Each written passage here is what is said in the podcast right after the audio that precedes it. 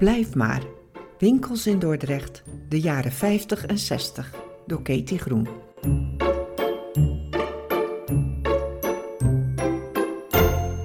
Een wereldzaak in de Bisschopstraat. In de opslagruimte onder de winkel spelen met flessen shampoo, haarlotion en brilcreme. Als kind deed Truus de Bruin iets liever. Heel vaak was ze te vinden in de winkel van haar oom Elder Jansen, die een kapsalon had in Crespijn.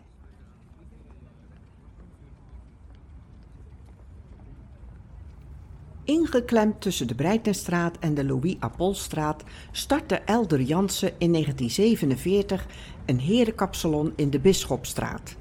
Het was een klein straatje met aan weerszijden een paar winkels. Op de hoeken van de straten in de buurt waren nog meer van dat soort winkels.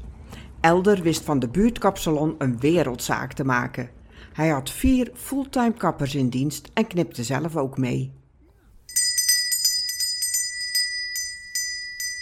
Het was er altijd druk, herinnert Truus zich. Druk en gezellig.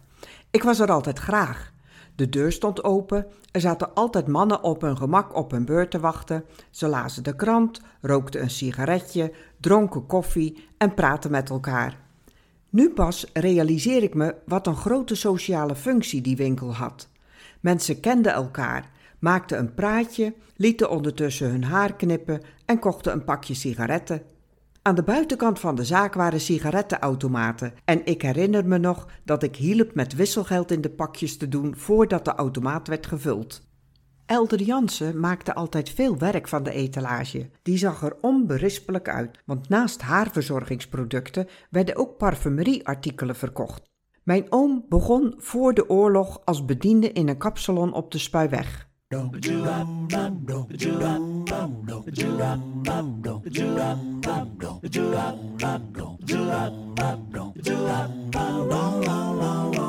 Toen hij zijn eigen zaak had opgebouwd aan de Bisschopstraat, heeft hij in de jaren 60 een tweede herenkapsalon geopend in Wielwijk. Maar dat werd hem toch een beetje te veel. Met twee zaken was hij het overzicht kwijt.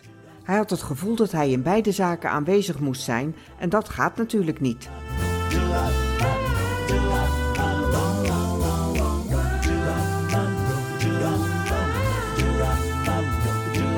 De winkel was op afspraak ook s'avonds open. En dat had altijd een reden, want dan kwamen de mannen die overdag niet durfden. Meestal ging het dan om het aanmeten van een toepet, verven of watergolven, al naar gelang de laatste mode.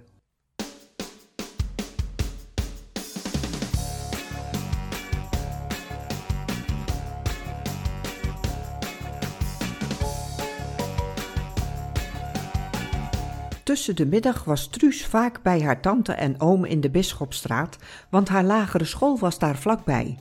Voor de deur van de winkel lag de hond te slapen, zegt Truus.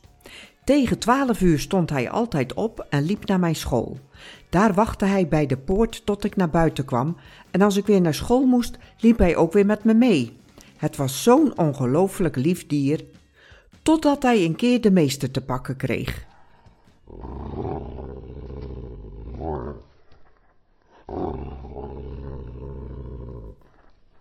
We moesten altijd in de rij staan voordat we de school ingingen, klas voor klas.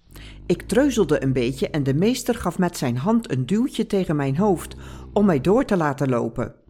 De hond sprong hoog over het hek en beet de meester in zijn broek.